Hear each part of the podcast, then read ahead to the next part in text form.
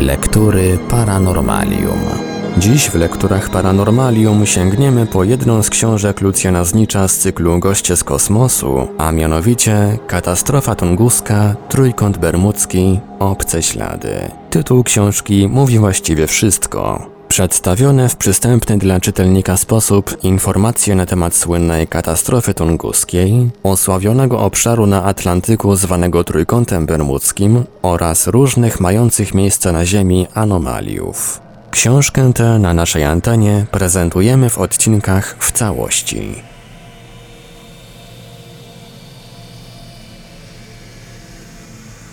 Między listonoszem a królową angielską.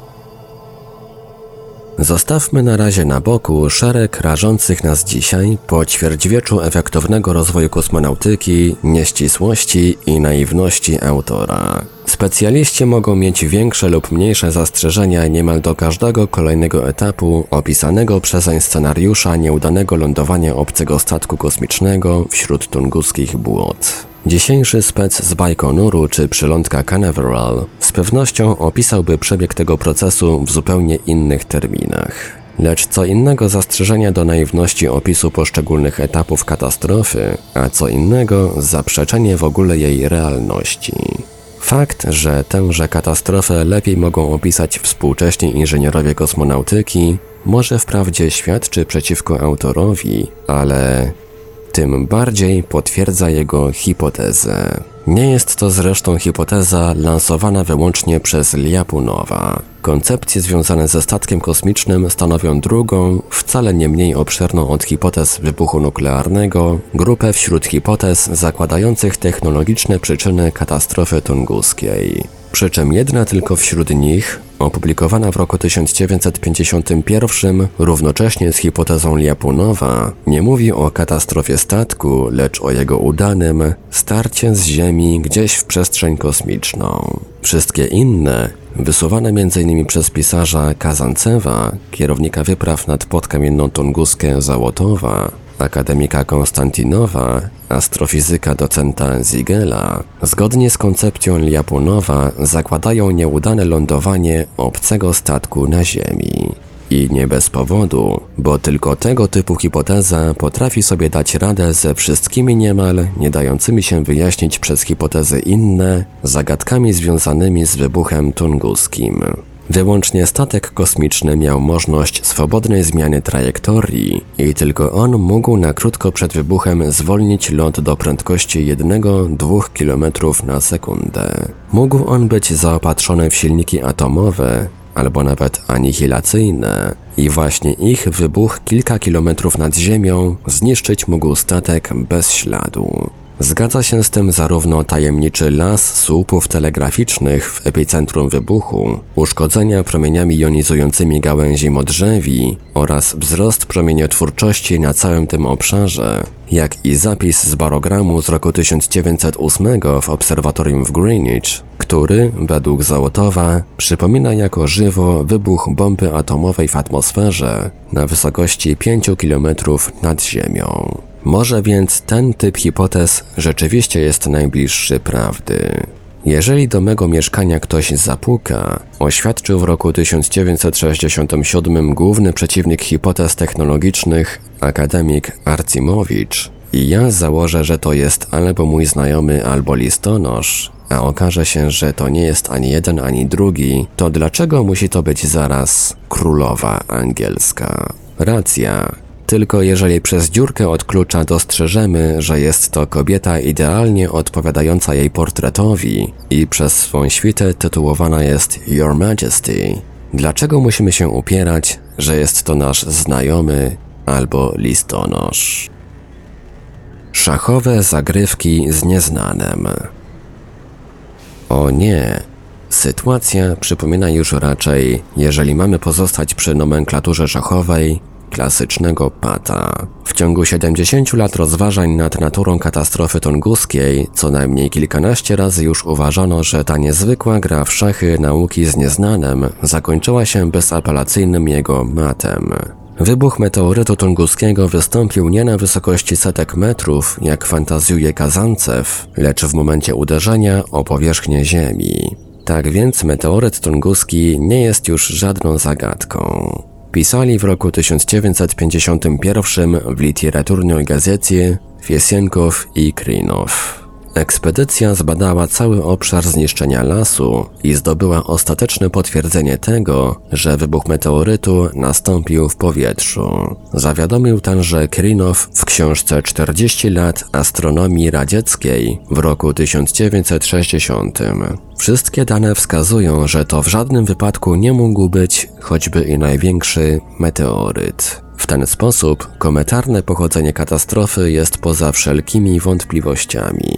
Fiesienkow, Pisma Astronomiczne, rok 1961. Choć wiedzą o tym tylko nieliczni, wyjaśnienie tego rzadkiego zjawiska nie jest już dla nas zagadką. Okazało się, że meteoryt szedł po orbicie typowej dla komet. Floreński, Niedziela, 1965 rok.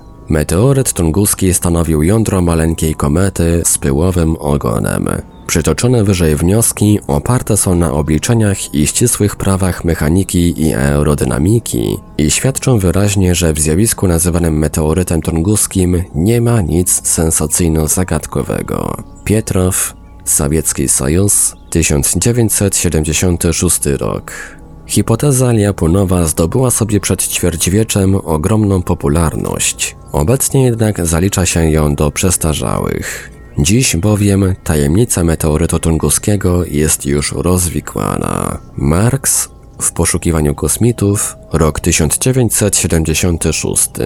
Odkrycie tajemnicy meteorytu tunguskiego obwieszczał wreszcie w roku 1977 Kurier Polski, publikując sprawozdanie z kolejnej wyprawy Wasiliewa, która uznała, że było to ciało niebieskie zbliżone do komety. Tyle więc razy w ciągu ostatniego ćwierćwiecza ostatecznie rozwiązywano zagadkę katastrofy tunguskiej, a jednak ilekroć tylko o niej mowa, wciąż bez przerwy odmieniamy we wszystkich przypadkach słowo tajemnica. Czy sam ten fakt nie mówi, jak bardzo jesteśmy dalecy, mimo wszystko, od rzeczywiście ostatecznego rozwiązania?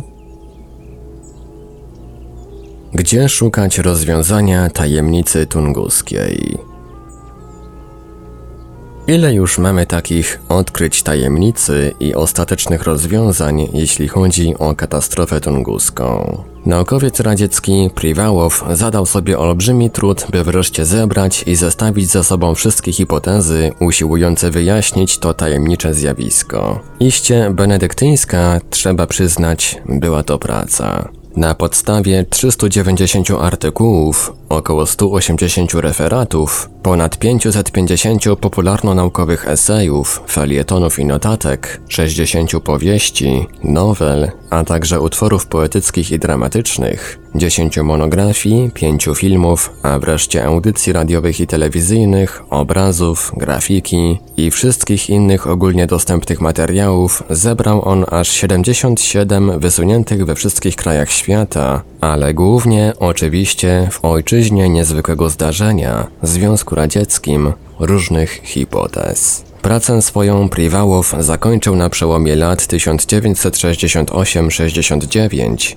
i wydawało się, że nikt już nie potrafi tego osobliwego katalogu uzupełnić. Od tego czasu udało mi się jednak niemal co roku zarejestrować jedną nową hipotezę, także w chwili pisania tej książki ogólna ich suma dawno przekroczyła już osiemdziesiątkę. I nic jakoś nie wróży, by niezwykły urodzaj na najróżnorodniejsze próby wyjaśnienia tajemnicy tunguskiej nagle się skończył. Wręcz przeciwnie. Na podstawie analizy dotychczasowych hipotez można opracować wręcz pewne prawo, ustalające częstotliwość ich narodzin. Ilość ich jest wprost proporcjonalna do postępów nauki i techniki.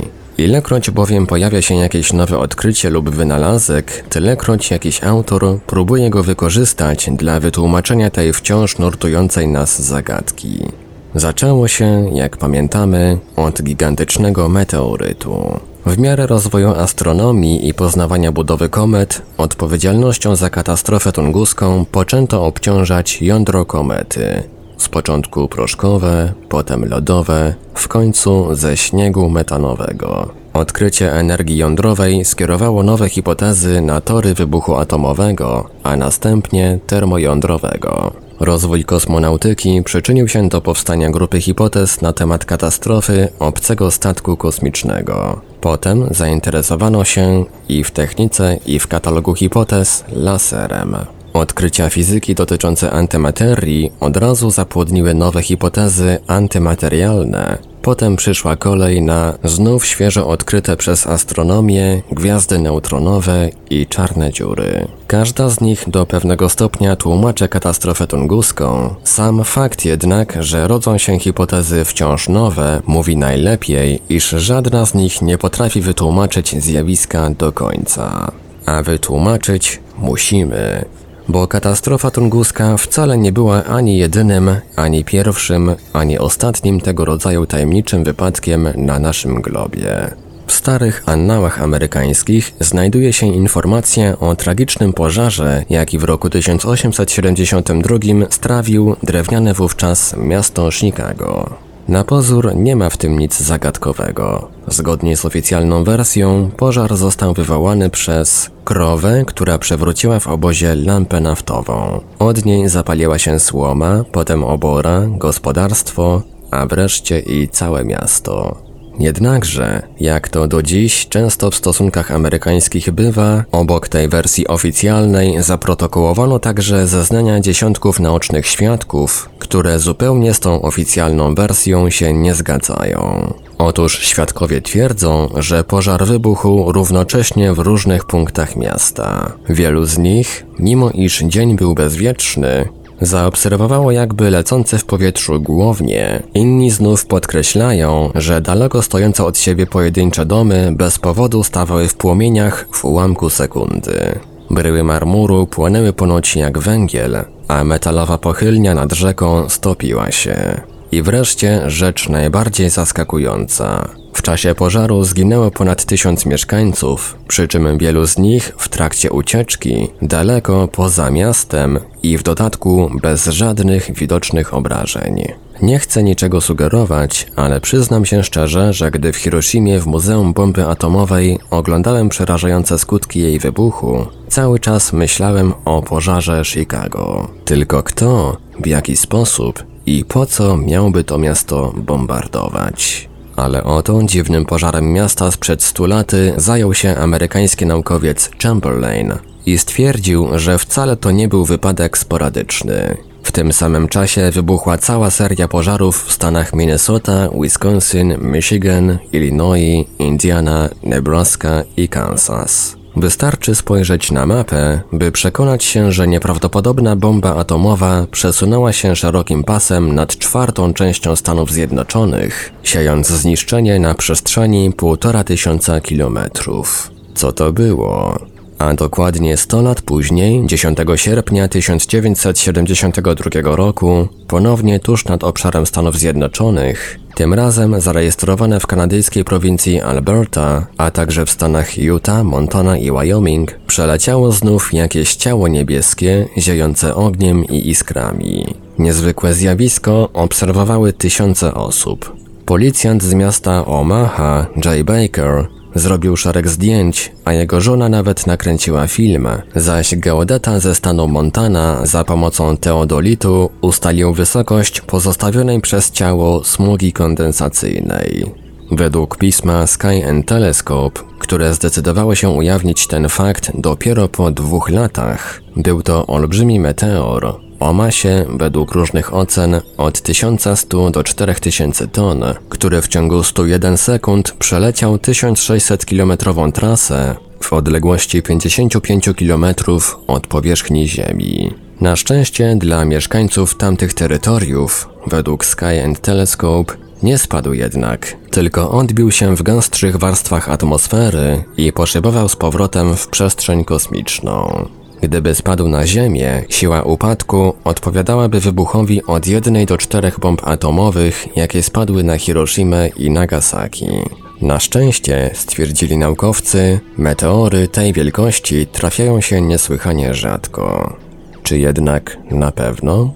Jak wobec tego wyjaśnić uzyskaną z Paryża przez polską agencję prasową lakoniczną informację, iż 30 sierpnia 1977 roku na Madagaskarze spadł odłamek wielkiego meteorytu. W miejscu jego zetknięcia z Ziemią powstał krater o średnicy 240 metrów. W chwili, gdy to piszę, ten czwarty już, wliczając w to dziw tunguski, przypadek zaatakowania naszej planety przez kosmos, pozostaje całkowitą tajemnicą. Największy ze znanych na Ziemi meteorytów kamiennych, który spadł w roku 1976 w pobliżu Kirin w Chinach, wybił w Ziemi krater o średnicy 6,5 metra. Meteoryt Kirin waży 1770 kg.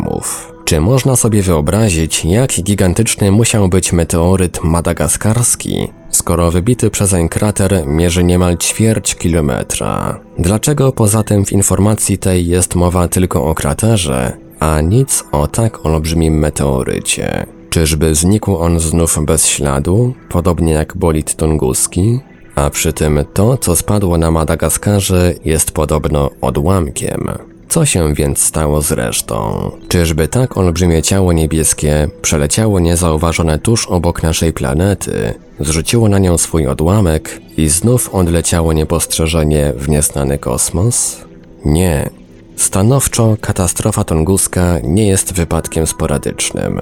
I kto wie, czy rozwiązania tamtej zagadki nie należy szukać gdzieś nad Stanami Zjednoczonymi, w dawnych popiołach Chicago czy w dżunglach Madagaskaru.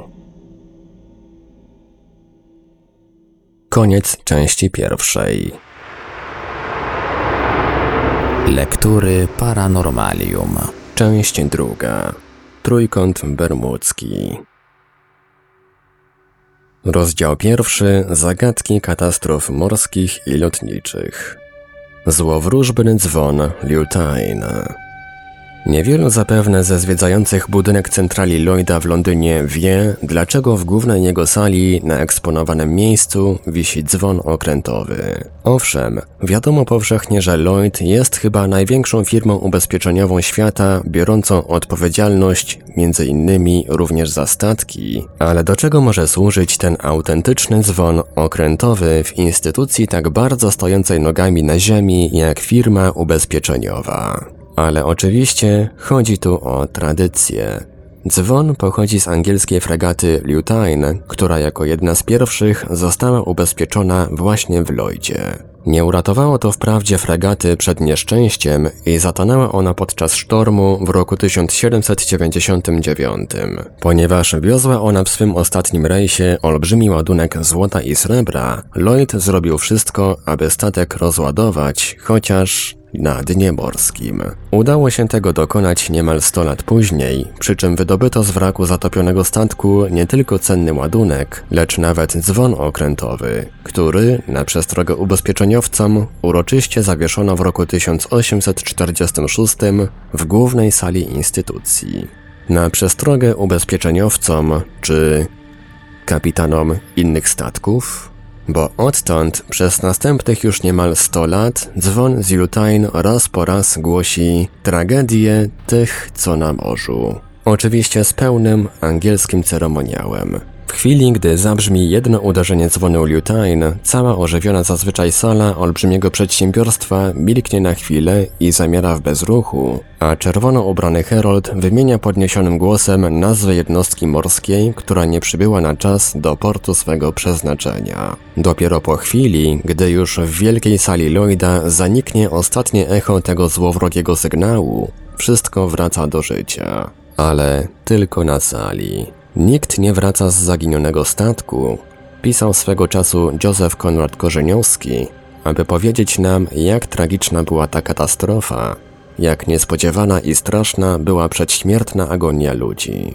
Nikt nie opowie z jakimi myślami, z jakimi skargami, z jakimi słowami na ustach oni umierali. Niestety, nie tylko nic nie wiemy o śmierci pojedynczych ludzi na morzu, ale nie znamy nawet liczby ofiar, które bezwzględne morze w tak tragiczny sposób pochłonęło. Jedna z pierwszych statystyk Lloyda z roku 1881 podaje, że tylko w tym jednym roku uległy różnego rodzaju katastrofom 2193 statki. Jedna ze statystyk ostatnich Oczywiście w momencie pisania tej książki, według naukowców amerykańskich Terego i Racknitzera z roku 1969 stwierdza, iż w ciągu 2000 lat rozwoju naszej cywilizacji wszystkie morza świata pochłonęły milion statków. Na bezkresach oceanów wszystko właściwie czyha na zgubę tych, mimo wszystko wątłych łupin, na których śmiały człowiek powierza się nieobliczalnym żywiołom. Nieoczekiwane sztormy i podwodne skały, góry lodowe i uszkodzenia maszyn, zdarzenia we mgle lub na skutek błędów nawigacji, wybuchy ładunków i pożary. Czasem wieści o tragedii dochodzą natychmiast sygnalizowane przez radiostację zagrożonego statku. Czasem dowiaduje się o nich świat po wielu dniach czy tygodniach, gdy po długotrwałej akcji ratunkowej, albo nawet przez czysty przypadek, zostają wyłowieni nieliczni świadkowie katastrofy, bezsilnie dryfujący po mało uczęszczonych akwenach. Czasem wyjaśnienie zagadki zjawia się dopiero po latach. Taki los spotkał innymi parowiec Jongala, który 22 marca 1911 roku wyszedł z australijskiego portu Mackay w kierunku Townsville. W kilka godzin później widział go jeszcze latarnik na wyspie Dent, po czym wszelki ślad po statku zaginął.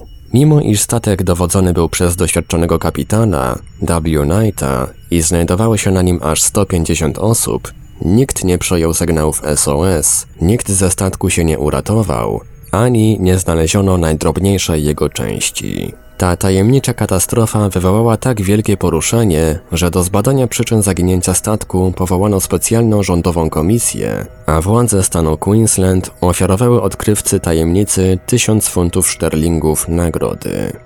Tajemnica odkryta została dopiero 48 lat później, przy czym stan Queensland wycofał się ze swojej obietnicy z powodu przedawnienia sprawy, gdy w roku 1958 polujący u przylądka Bowling Green w pobliżu portu Townsville akwalungista Conrad natknął się na głębokości 35 metrów na dwa nieznane wraki. Z jednego z nich udało mu się wydobyć sejf okrętowy, który rozpoznała angielska firma produkująca sejfy, jako zbudowany przez nią w roku 1903 na zamówienie ówczesnego armatora Jongali. Drugi statek, z którym Jongala musiała się niespodziewanie zderzyć, pozostał nierozpoznany do dzisiaj. Jeszcze dłużej całkowicie nieznany był, a prawdę rzekłszy i do dziś nie do końca wyjaśniony, los angielskiego pasażerskiego parowca Warata, który 26 czerwca 1909 roku z 6500 tonami ładunku i 211 ludźmi na pokładzie wyruszył z Durbanu poprzez Cape Town do Londynu. Niestety, statek nigdy nie dobił nie tylko do Londynu, ale nawet do Cape Town. A przecież był to zupełnie nowy parowiec. Odbył właśnie swą dziewiczą podróż z Anglii do Australii i z Australii poprzez porty afrykańskie wracał do Anglii. Posiadający na swym pokładzie nie tylko 211 osób, ale i 17 łodzi ratunkowych, drewniane tratwy, koła ratunkowe i tysiąc korkowych pasów. Dlaczego w ciągu trzymiesięcznych poszukiwań nie natrafiono na żadnego uratowanego albo bodaj martwego rozbitka? Na pytanie to nie potrafimy odpowiedzieć do dzisiaj, choć los statku jest już nam znany. Jeszcze w roku 1955 wojskowy pilot Republiki Południowoafrykańskiej podczas patrolowego lotu nad wybrzeżem dostrzegł pod wodą w pobliżu osiedla Port Edward wrak dużego statku. Rzecz ciekawa, że podjęto natychmiast poszukiwania, nie dały rezultatu i dopiero latem 1958 roku wrak ponownie odkrył za pomocą echosondy statek rybacki. Tym razem nurkowie wydobyli spod wody fragment przerdzewiałego pożycia statku, który po szczegółowym zbadaniu przez specjalistów szkockiej stoczni Barclay Carl, gdzie Warata była zbudowana, uznany został za fragment zaginionego przed 56 laty statku. Zawsze, gdy los statku zostaje wyjaśniony, choćby nawet jak w obu przytoczonych wypadkach po pół wieku, tradycyjny dzwon Lutyne odzywa się ponownie. Tym razem rozlegają się dwa jego uderzenia, a nazwa statku wpisana zostaje do ksiąg katastrof morskich. Cztery rozdziały tych ksiąg poświęcono wszystkim możliwym tragediom morskim: zatonięciom, osadzeniom na mieliznach, zderzeniom i pożarom. Czy można sobie wyobrazić jeszcze jakieś inne katastrofy? Niestety, i w tej dziedzinie życie okazało się o wiele bogatsze od buchalteryjnej fantazji lloydowskich twórców ksiąg katastrof morskich. Na Oceanie Spokojnym w angielski trójmasztowy bark Eclipse trafił meteoryt wielkości ludzkiej głowy i pomimo starań załogi statku nie udało się uratować. Inny angielski żaglowiec, Sagittarius, tym razem na Atlantyku, został przebity przez jeszcze większy meteoryt tak skutecznie, że załoga przed jego zatonięciem ledwie zdążyła spuścić szalupy. W roku 1819 statek wielorybniczy Essex rozbity został przez rozjuszonego kaszalota. We wrześniu 1977 roku u wybrzeży Puerto La Cruz w Wenezueli po zderzeniu z wielorybem o mało nie zatonął statek pasażerski. 75 osób odniosło rany, zaś w roku 1913 niemiecki parowiec Adler zatonął z powodu motyli. Otoczyły one tak gęstą chmurą statek, iż sternik stracił na moment orientację, a że parowiec płynął akurat poprzez najeżoną podwodnymi rafami Zatokę Perską, ta krótka chwila nieuwagi wystarczyła do spowodowania katastrofy. Każdy z tych wypadków uhonorowany został dwoma żałobnymi uderzeniami dzwonu Lutine. Czy jednak nawet te, tak wydawałoby się, niezwykłe zdarzenia, wyczerpują już wszelkie możliwości pilnie strzegącego przed człowiekiem swych tajemnic światowego oceanu?